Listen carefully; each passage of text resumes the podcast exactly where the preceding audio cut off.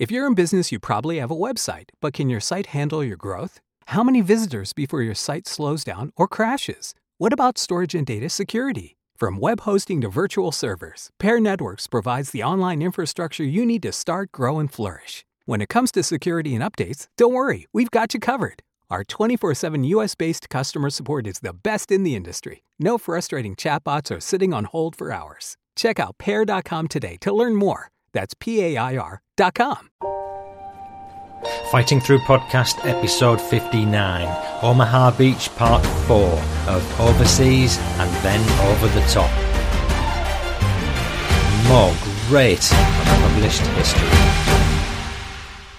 Hello again, I'm Paul Cheall, and I wish you yet another warm welcome back to Omaha Beach and beyond. This is the fourth episode in the Omaha series, so if you haven't listened to the earlier episodes yet, I'd recommend you go to episode 56. Now, you may recall I asked on a previous episode if anyone knew the full name of our unsung hero, Private First Class M. Prince. Well, I'm so very grateful indeed to Helen Walbridge from Southampton, who's been in touch with some background on him. Helen is a maritime archaeologist and she's been uncovering quite a few facts about our American Ranger hero. And she's directed me to some records on Ancestry, the genealogy website. It turns out his name was Morris Prince, and we know from the records that he died aged 87 in 2007, so it looks like he had a good life. I'm going to pick up more about his story in a forthcoming episode, and I'm hoping to have a photo to share with you as well. I'm going to crack on with the episode now, but I'll first mention to keep listening for a great PS at the end. It's a story that military historian Dan Hill has tracked down about some American bombers who came to a tragic end in planning for a mission to nowhere else other than Brest in France exactly where Morris Prince and the 2nd Rangers were tasked with attacking themselves. Just to recap, our valiant American heroes of the 2nd Rangers Battalion have come over from America and settled in various places in the south of England to get acclimatised and trained up. They've gone on to land in Normandy on 6th June in 1944, and after a struggle and many casualties, they've taken Omaha Beach and Pointe du Hoc, along with stacks of German prisoners. Then they've worked and fought their way through the Cherbourg Peninsula in the northwest of France, and then down towards the country's westernmost reaches to Brest, not far from which is the former base of the infamous pocket battleship the Admiral Graf Spee at the Lochrist Battery. Just in case it's a few days since you listened to part 3 of the Omaha series in episode 58, I'm now going to read the last couple of minutes to bring you back up to date. So here we go with the closing stages of the last episode and I've included maps and an itinerary of all the places the soldiers fought through. So if anybody wants to follow this uh, on Google Maps or whatever, the links are there. We were now in the final stages of the actual assault upon the Graf Spee batteries at Lochrist.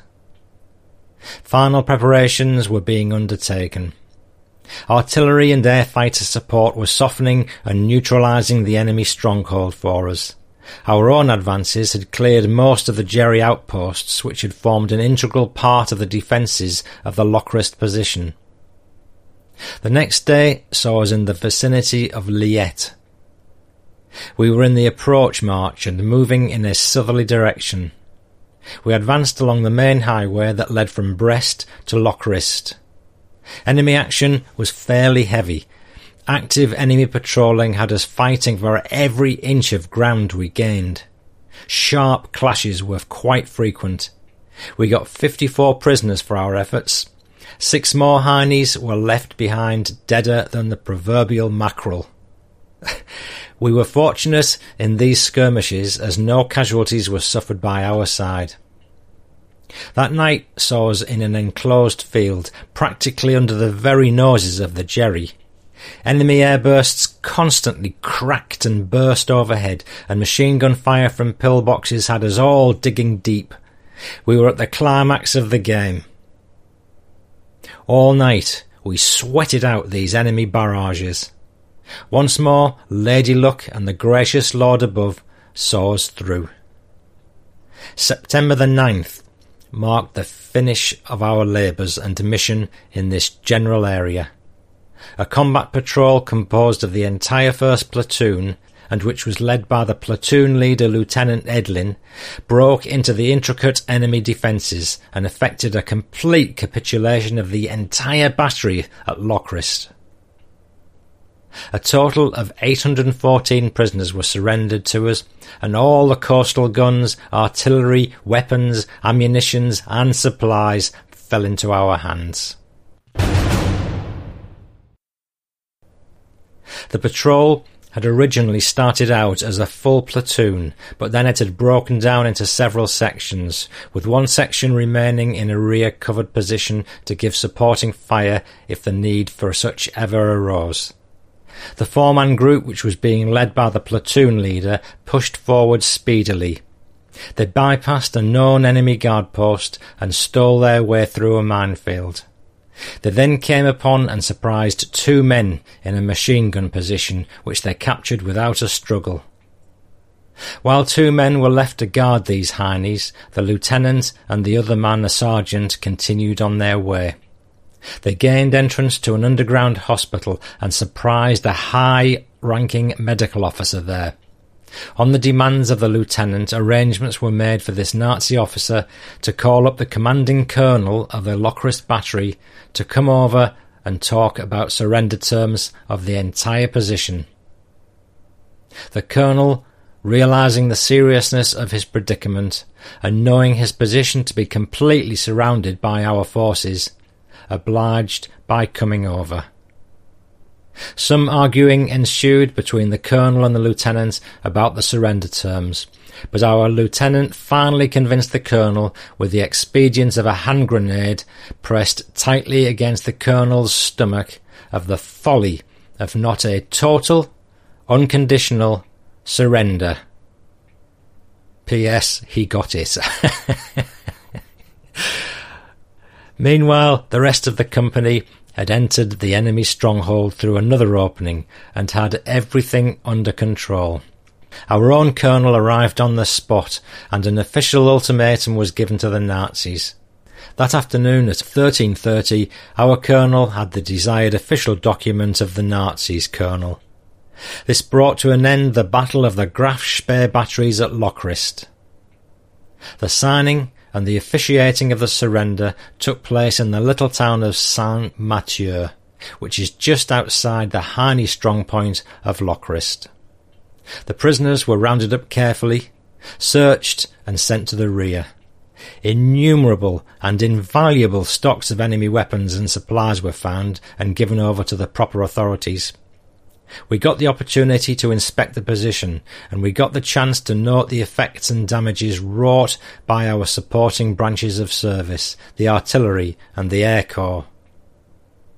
Those big 288mm guns, which had caused us those endless and worrisome nights, were found to be of immense stature their gigantic structure and encased concrete homes had made these giants immune to our shelling and bombing. Their large muzzles easily contained our helmets in their openings, and the size of the shell was equivalent to a good-sized bomb. These huge masses of steel even dwarfed and made look puny the 155mm guns at Pointe du Hoc in comparison.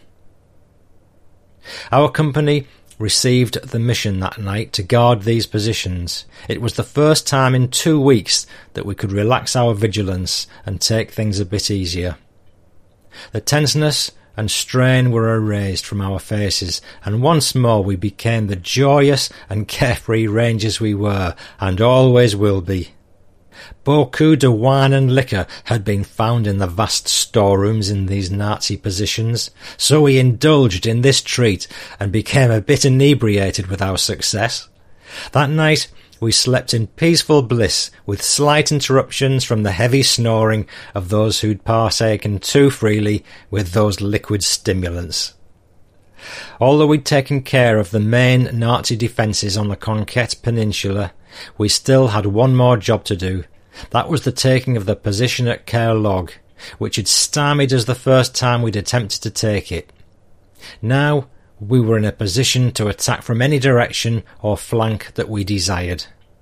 For now, we'd completely isolated this strong point by our decisive victory at Lochrist. The next morning, September the 10th, 1944, we boarded vehicles and rode to the town of Kavauen.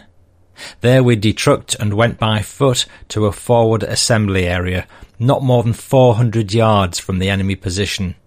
A heavy artillery shelling and mortar barrage preceded our jumping off. We were now on a flanking side of the enemy. All that stood between us was a deep valley of a hundred yards width. The enemy's position was on a higher piece of terrain than ours, so that he had the advantage and benefit of clearer observation. He was well entrenched, and the impregnable pillboxes he defended were great handicaps to overcome. Even direct hits from our self-propelled and heavy artillery shells were glancing off these huge fortresses without so much as causing the slightest dent or damage.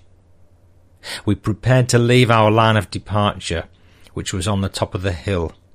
We were awaiting the order from our lieutenant. He gave the signal, and away we went over the top, both literally and figuratively. We ran down the side of our hill, which was totally bare of cover. We felt as naked as a newborn babe. Our supporting artillery and mortars were giving us good protective fire. The German resistance was light. There was some small arms fire from enemy outposts and a little mortar shelling which fell to the rear of us. We reached the bottom of the hill and proceeded on our way through a minefield. We had a bit of defilade from the enemy here, but we were still vulnerable to his mortar fire and grenades. We skirted the edge of another minefield and followed along a stream that ran parallel to the Heine position.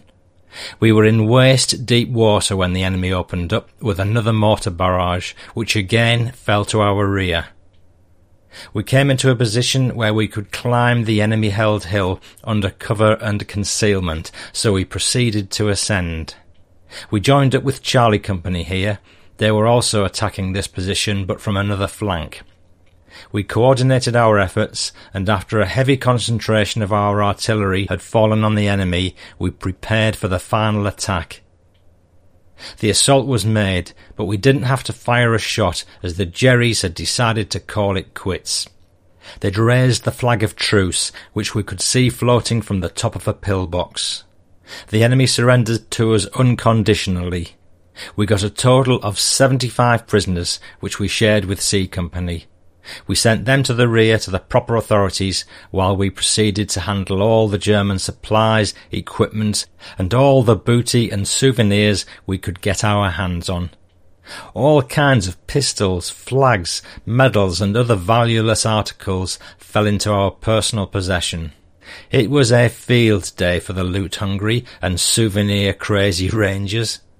This was a sort of token payment for the fine work we'd done, we reasoned. I'm sure that the Heinies didn't care, or even have the need of the stuff we took from them where they were going. This concluded the final chapter to the story of the Conquet Peninsula episode. We'd completely taken and wiped out the last pocket of resistance in this area. Our mission was now reported in as accomplished. That night, we were back at Battalion Rear, which still remained at Ploumouget. We set up an administrative bivouac, and as we no longer had a combat mission, we were relieved from the 29th Infantry and reverted to the 8th Corps Reserve. We could look back that evening and glance over the results of our campaign. Our company's battle score read something like this. Credited for approximately 600 prisoners besides the wounded, and accounted for 51 Jerrys killed. This score is a poor one, as it is only tabulated on the known number of Hanis we killed. How many were not included and not ascertained isn't known to us, but I'm sure a more correct figure would be three times the total we were credited with. On our side of the ledger, we'd sustained two serious casualties, plus a few minor wounds. Then there was the gallant role we'd played in the taking of the Graf Spee batteries with its four huge 280mm pieces. We'd captured innumerable supplies and equipment, artillery and anti-aircraft weapons. The giant bunkers and pillboxes that fell into our hands more than proved the skill of us Rangers in combat. This mission had been a typical one for us Rangers and had been conducted and concluded as such. We'd locked horns with the enemy and we had vanquished him. The penalty we'd extracted from him sort of avenged our fallen comrades and had made up for all our trying times during the campaign. There'd been many cases of individual valour and heroism. The trials and tribulations we had to endure before we could emerge victorious were many, and the skilful stratagem as worked out by our staff had been excellent. This had all added up to the downfall of the enemy on the Conquet Peninsula. I'd like to take this time to pay my thanks and honest tribute to the other branches of service and to the brave men of the FFI who so ably and abetted us in our campaign. That's the Free French. Without artillery, air cover, and tank destroyer support, I doubt very much if we could have done the job. It was they that staggered and softened the enemy, so that we could come in and administer the knockout blow to them. We appreciated their labours and we admired their fine cooperation. We were fortunate to have had them with us. The Crozon Peninsula Le Fret.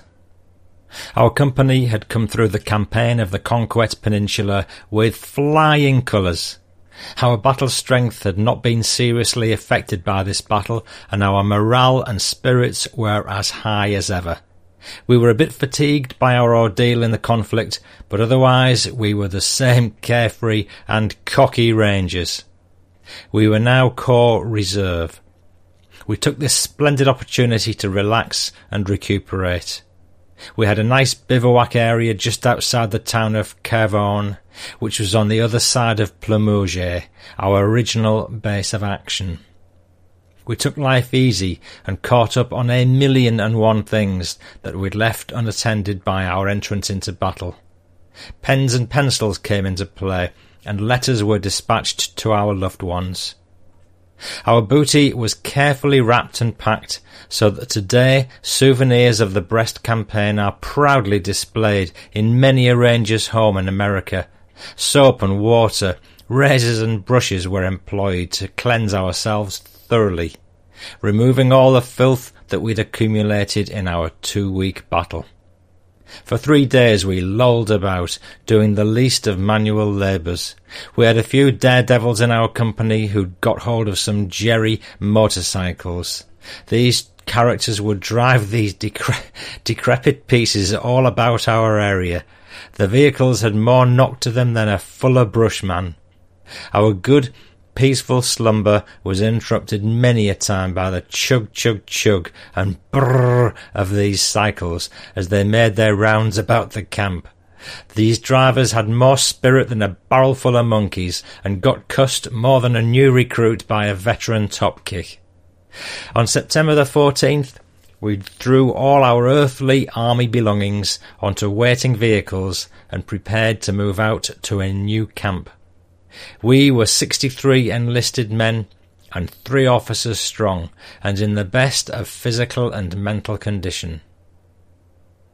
Our new bivouac area was to be an open field which lay off the main highway that linked Landerneau with the city of Lesneven. We had a nice arrangement here, as not only were our tents pitched on beautiful grounds, but the access we had to these two large towns was very much to our liking.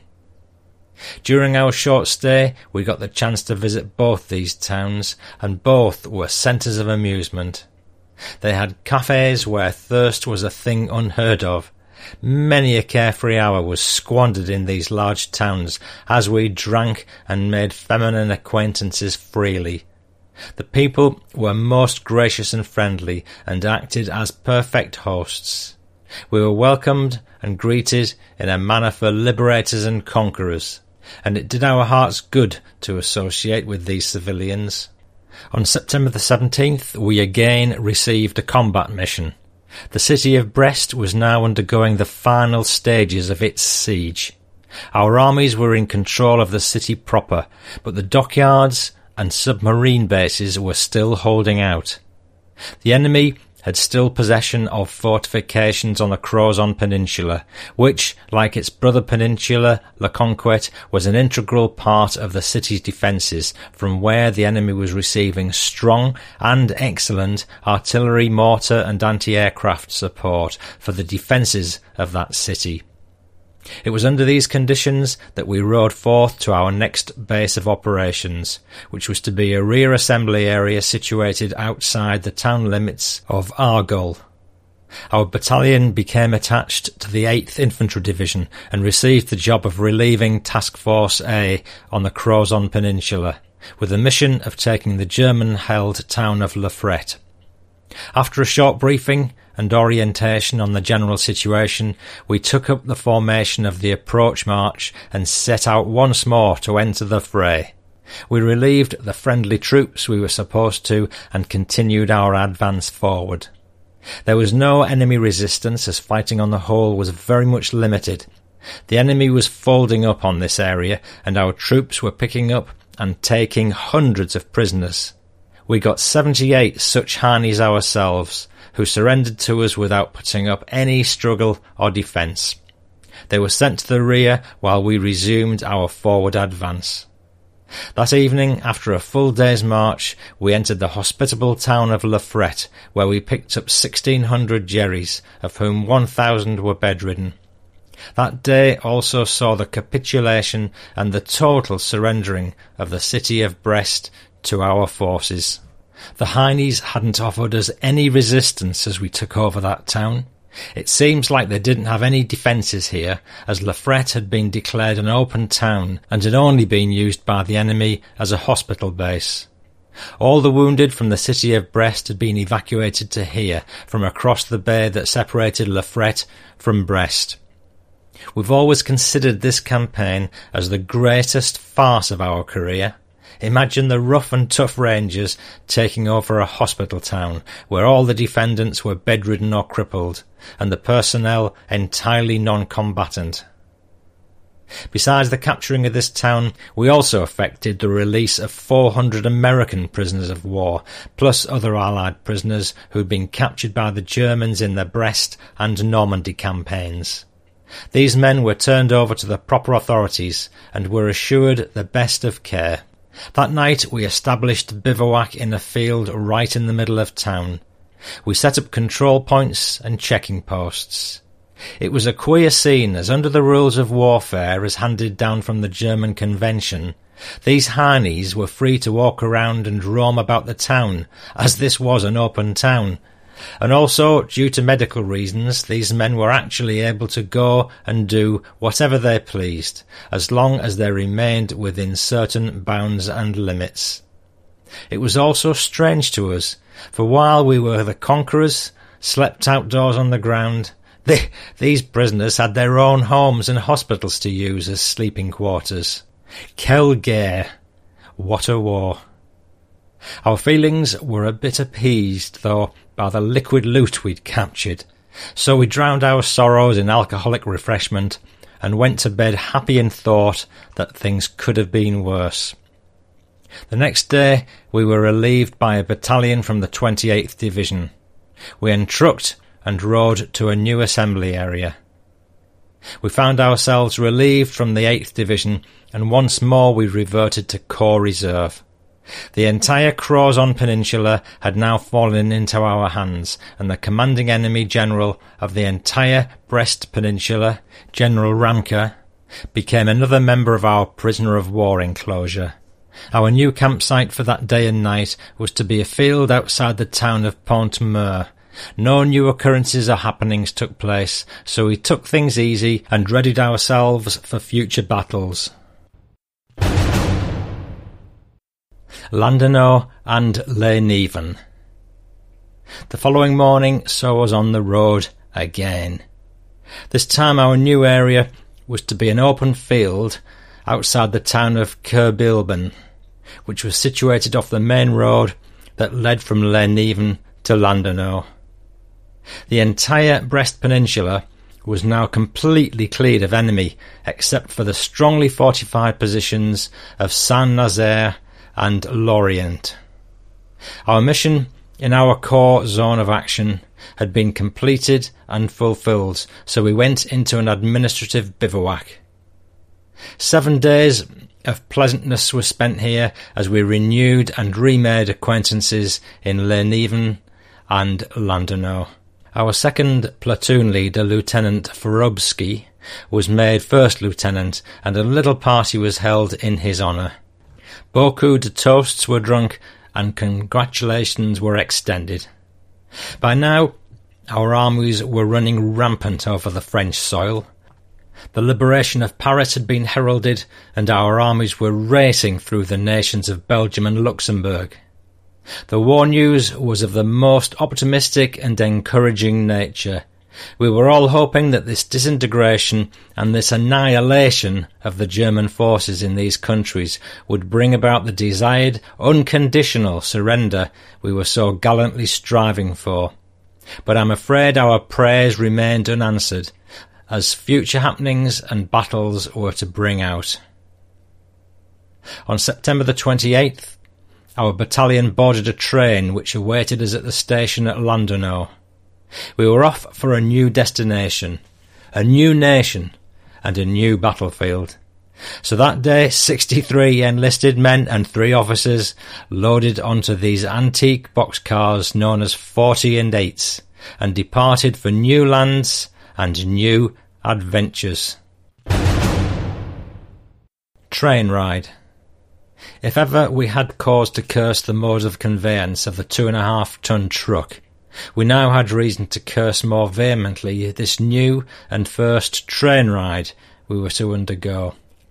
If man could ever devise a more hideous and cruel method of torture than this, I had as yet to have seen it or heard of it. To say our journey was tedious, monotonous, and unbearably uncomfortable, I would not be exaggerating in the least bit. We were tightly crammed and packed into these old and decrepit French boxcars, commonly referred to as quarante hommes et huit chevaux, forty men and eight horses, which had seen better days in World War One. These crude affairs I doubt seriously if they could have held half the number of us comfortably. Yet there we were, thirty-five men, plus all our equipment, rations, and weapons, which took up more space than we did, the soldiers. The cars were filthy and dirty before we entered them, and by the time we ended our travels, a pigsty would have appeared to have been a place of sanitation in comparison. The only compensation we got from this trip was the excellent opportunity to view firsthand the landscape that is beautiful France, and to derive the experience that only such a journey could entail. Our morale and spirit, paradoxically enough, were never better. The more crowded we became, the more we joked. The dirtier we got, the more we laughed, and the more we travelled, the better we liked it. Our sleeping quarters and positions we assumed when night fell looked like something out of a Rube Goldberg cartoon. Heads, limbs, and bodies were sprawled all about, and no one person was ever found that could claim his own physical belongings. There wasn't an even an inch on the floor that wasn't covered by someone or a part of someone's anatomy. A mortar base plate was turned into a pillow, and the K ration box, miraculously enough, became a bed. When dawn would break and time for a rising would come up, a general scramble would ensue to make sure that the right person would would come up with the right limbs. Inventory was taken daily to make sure that all bodies and limbs were present. What a life and what an ordeal, yet an experience we wouldn't want to have missed for a million dollars. For 750 weary miles we endured our pains and miseries, drinking in the scenery. The picturesque villages and the larger towns were always refreshing and welcoming sights to behold. At each stop the people would crowd and mill about our train to greet and cheer us, and to exchange their food and vegetables for our items in our K rations. A critical shortage in cigarettes didn't aid to our hurt feelings during the journey. Roll your owns with Jerry tobacco became a popular smoke on the train.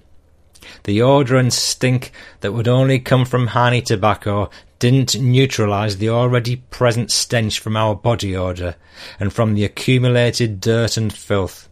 But we didn't mind. We got used to these nuisances and didn't let it bother us. We knew that things were rough in the ETO, the European Theatre of Operations.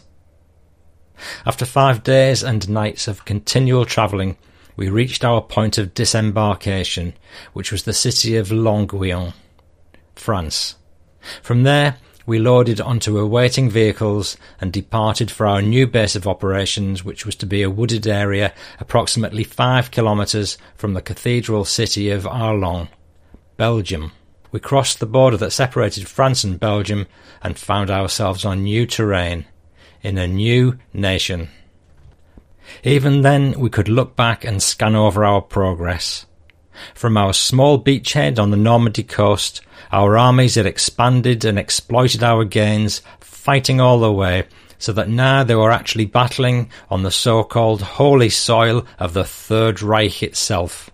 What sacrifices, hardships and tribulations we've had to overcome. What problems of logistic and supplies we had to solve, and what personal inflicted agonies and miseries we've had to defeat so that we could so relentlessly drive forward. No one will ever know, or no one will ever be able to write about.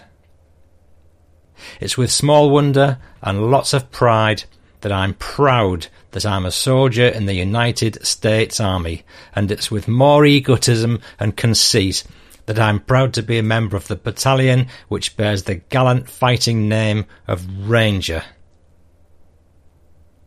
On October the 3rd, the Ranger Battalion found itself bivouacked in the forests outside the city of Arlon, Belgium.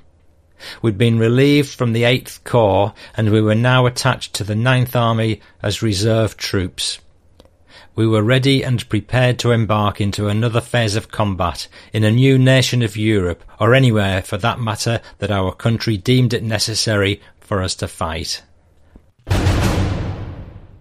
Whether you're looking to build a website for your business, your hobby, your podcast, or just for fun, Pair Networks is your go to web hosting partner. Not only do we have the lowest domain price in the industry, starting at just 11 bucks, we've got hundreds of stunning website templates to help you stand out from the crowd.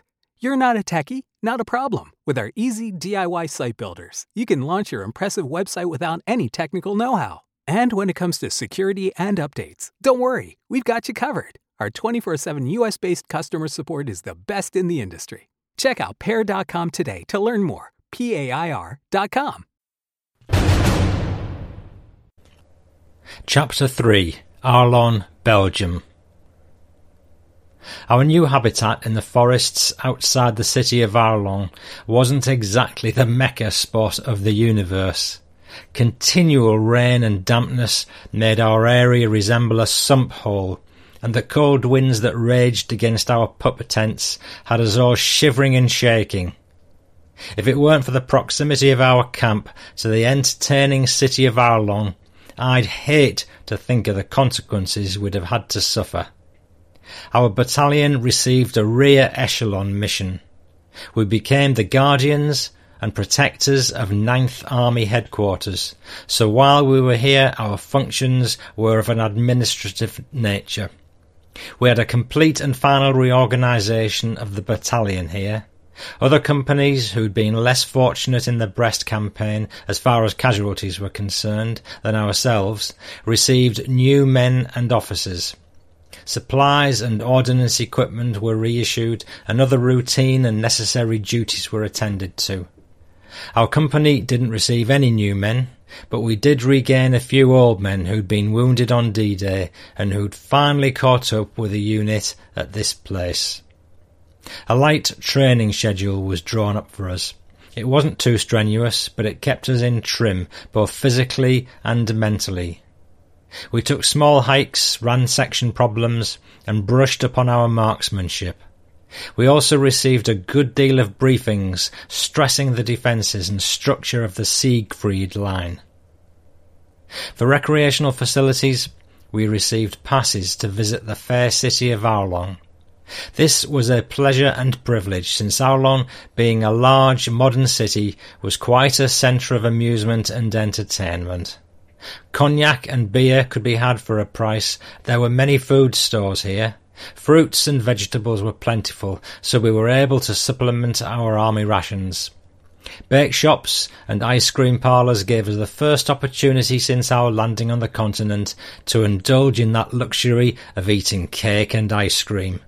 A treat that was highly treasured and prized, and one that found many of us go- going back for seconds and thirds. Movie houses and photo places did extremely well as far as our patronage was concerned, and the department stores and the shops where little knickknacks and souvenirs could be bought did a flourishing business. When we went to town, we did it both literally and figuratively. We did have one setback, though, in our visits to this city. It seems as though there were a lot of brass and BTOs, big time operators, who roamed the streets, alerted to see that the troops didn't forget their military discipline. Well, it seems that we had a few boys who were a bit lax and negligent on that score, so that some reports filtered back to our company commander via the battalion commander concerning this behaviour. A restriction was imposed on us, and the ones guilty were relieved and deprived of their rank. Our restrictions didn't last long, and we were again free to roam the streets of Arlon. Perhaps we were a bit more conscious of military courtesy and discipline, but we never lost our cockiness that marks the ranger from the ordinary GI. A precedent that was to be established in this area was that the first ranger dance we were to have on the European continent was held here. We'd gotten hold of a special service unit to furnish us with a band. We'd made arrangements in town for a hall to house the affair, and our kitchen had prepared cake and refreshments for the occasion. We were all set.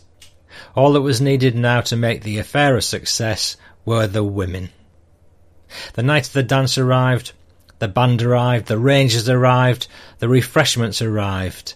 But alas and alack, where in the heck were the women? What an embarrassing situation. Ten soldiers for every girl present. What few damsels that did come couldn't dance to American music. What a night! Most of the fellows decided to take off on their own to find a partner to bring to the dance. I guess some of these men must have found the women they were searching for, yet somehow or other they never did come back.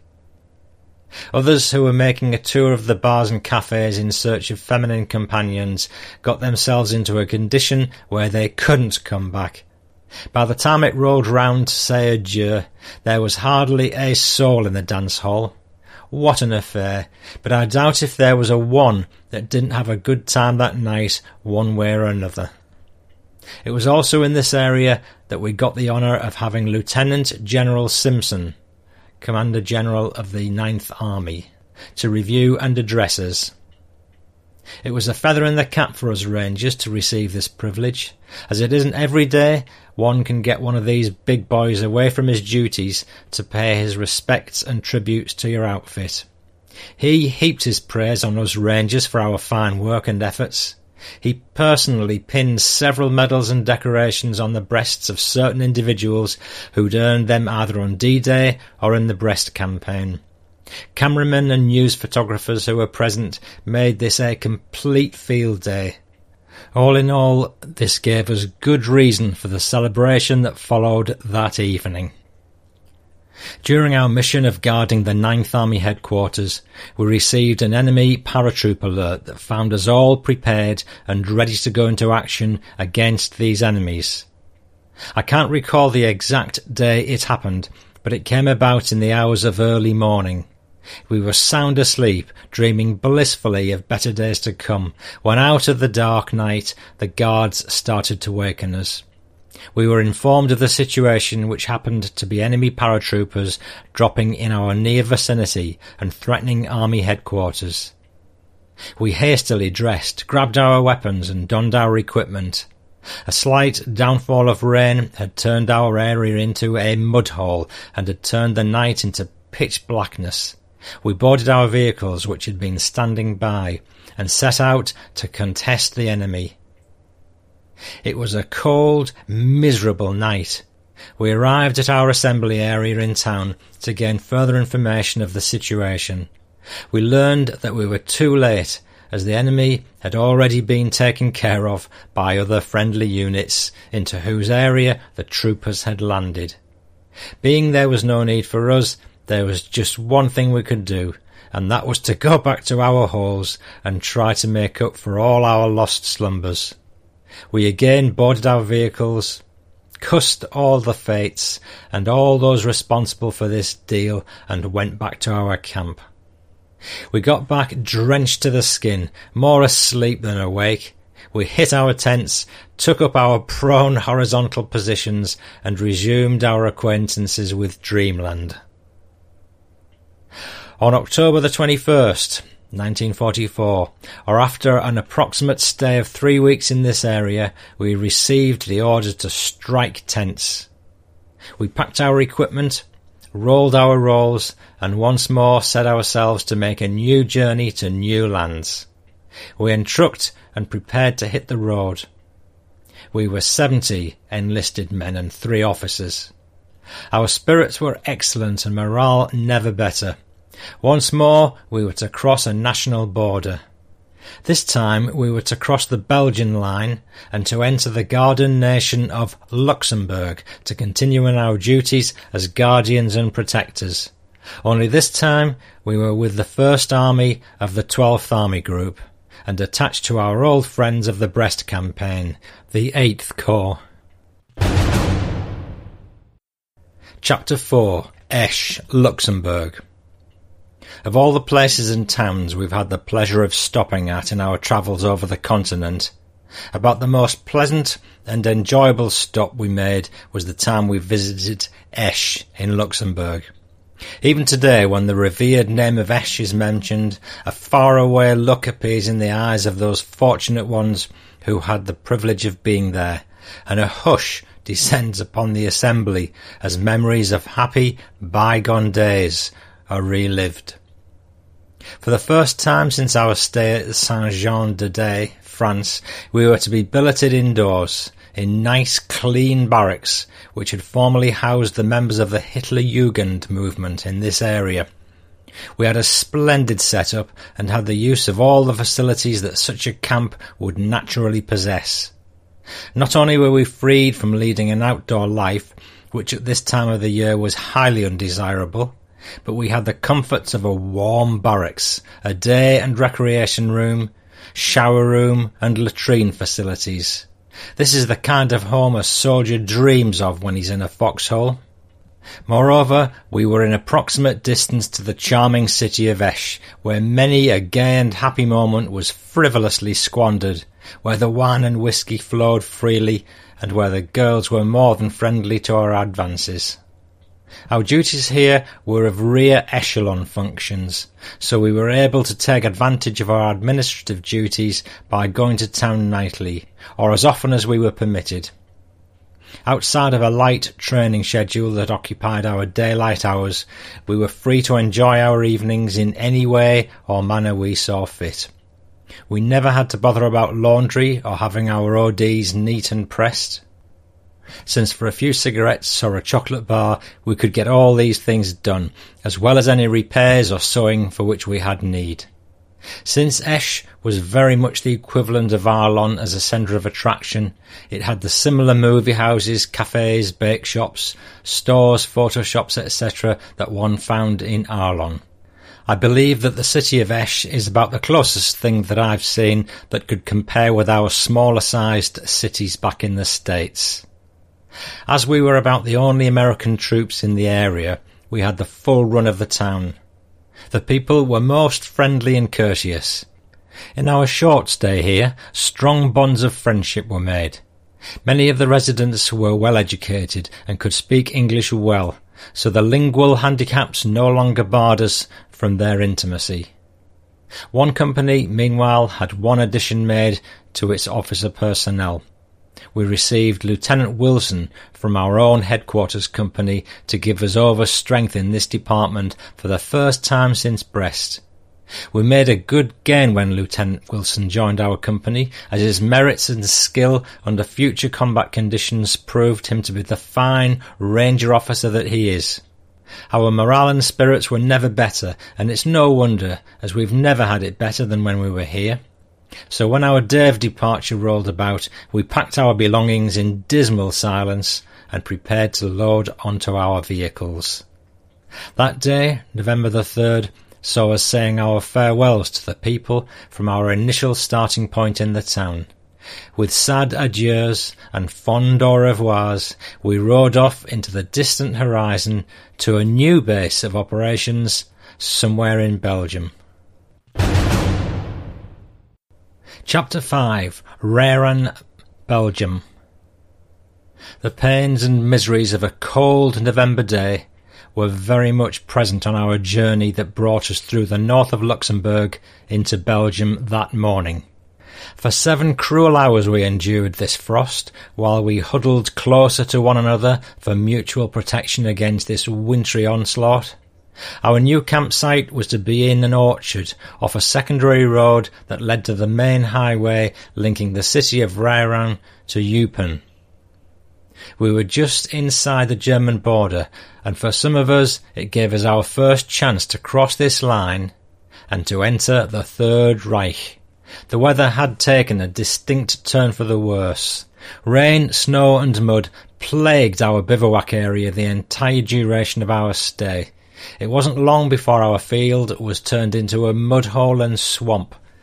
Deep ruts which were left by our vehicles and also by the vehicles and tanks of neighbouring units didn't help this situation at all.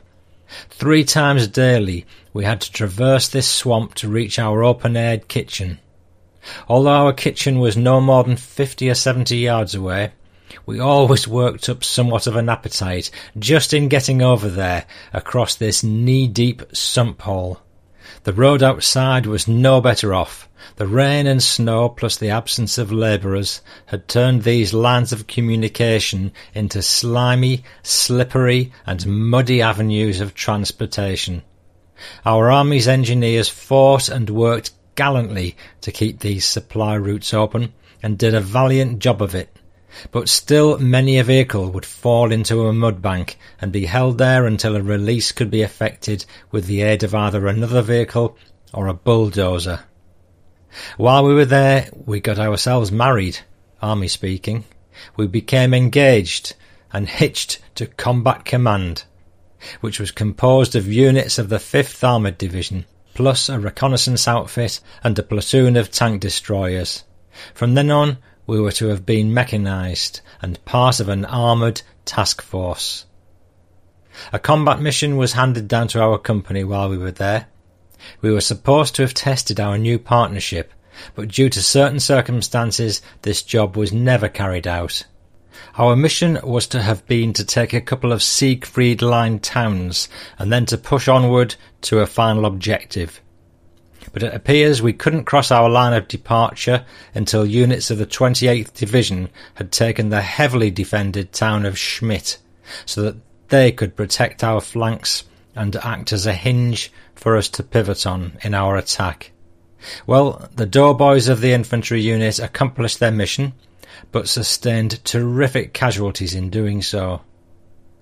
When the enemy launched a strong counterattack, those brave soldiers couldn't hold on to the ground. They'd so courageously won, and they had to relinquish that key town. For two days we waited fully equipped to go forth as soon as the 28th Division regained the town, but continual enemy reinforcements in men, artillery, and other materials from their reserve positions in the Cologne area held them off, so our mission was cancelled before we even had a chance to start it.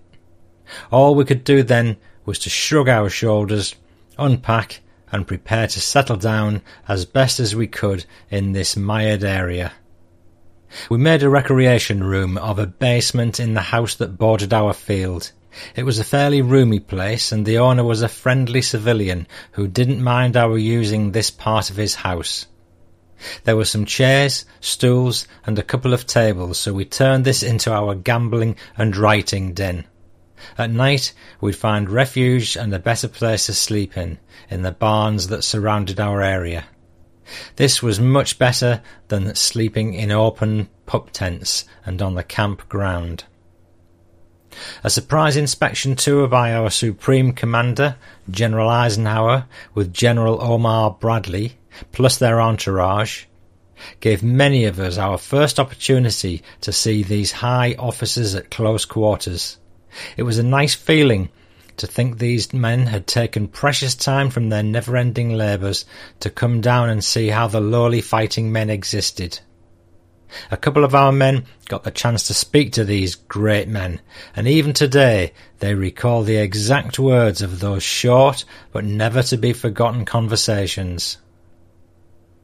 Since our campsite was situated in a locality that was enclosed and enveloped by key military cities such as Verviers, Liège, Eupen, Malmedy, we were constantly subjected to the threat of that new secret weapon of the Nazi superminds, the buzz bomb or rocket. These missiles of death would fly over our area several times during the day and quite frequently during the night. Although they flew overhead, none ever landed in our immediate vicinity. A few did drop near enough to cause the earth under us to quake and shiver as a hula hula dancer's sarong in a storm. On November the 14th, our battalion received a combat mission. So on that morning, we struck tents, threw all our belongings into duffel bags, rolled our rolls, and prepared to move out. That afternoon found us de-trucking at our forward assembly area in the Hurtgen forest. Snow had begun to fall, while the frost and cold was making life very miserable for us. Our company strength was 71 enlisted men and four officers. Discomforts caused by the weather had us all bitching and cursing. We were mad. We wanted to get at the enemy who was causing us all these agonies. We were sore enough to tackle him barefisted. I'm happy to state, though, that we didn't, as God only knows it was a tough enough job to manhandle the enemy with all the steel and metal that was at our command. And there I'm going to draw to a close. We'll pick up the story in the next episode when the Rangers go to Germany, into the lion's den. If you've read and enjoyed Dad's book and have access to Amazon, I'd be grateful if you could spare the time to post a review on it. It's feeling a little unloved at the moment because the last review was 2018 and it'd be nice to get a few new ones to bolster up its standing in anticipation of the paperback coming out shortly. So that's Fighting Through from Dunkirk to Hamburg on Amazon. Thank you in anticipation for that. And now here's the PS. I want to share with you a story posted by historian Dan Hill on social media.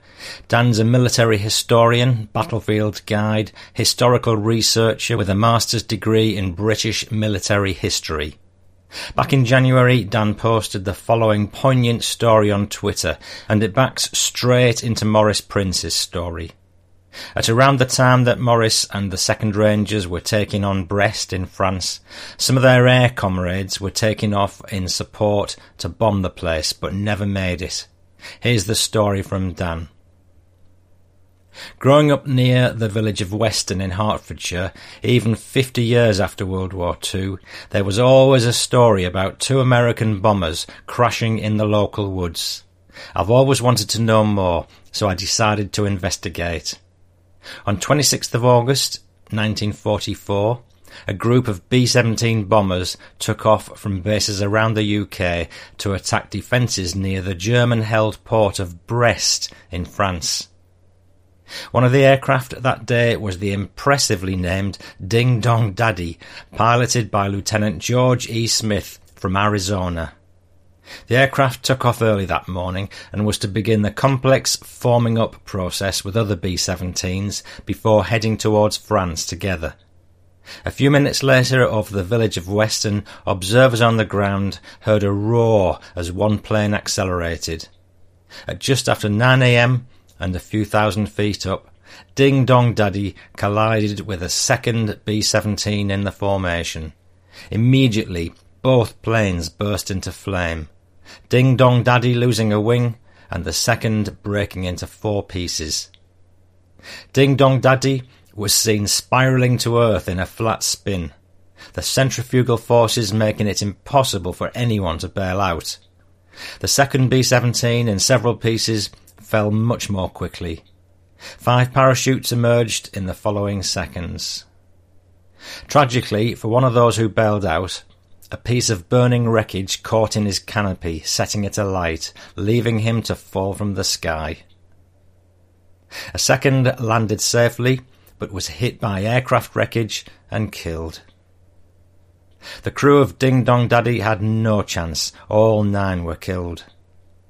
On the ground, Florence Webb, who'd ironically been evacuated from London to avoid air raids, was in her home nearby when one of the aircraft bombs, knocked loose by the contact, crashed through the roof of her bungalow and exploded. Florence was killed instantly, as was eight month old David Clements, whom she held in her arms. On a sunny morning in August 1944, in the space of two minutes, in a quiet village in Hertfordshire, 16 people had lost their lives. The crew of the two B 17s were buried locally, with most being repatriated to the States in the years after the war. Today, only two remain in the UK, both buried at Madingley American Cemetery near Cambridge. I decided to try to find the grave of young David Clements.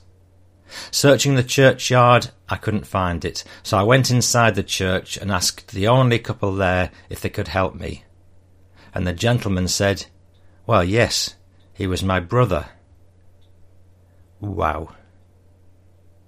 I'm very fortunate in that I get to travel across Europe visiting famous and infamous battlefields, but today I realised I'm missing one of the most obvious of all.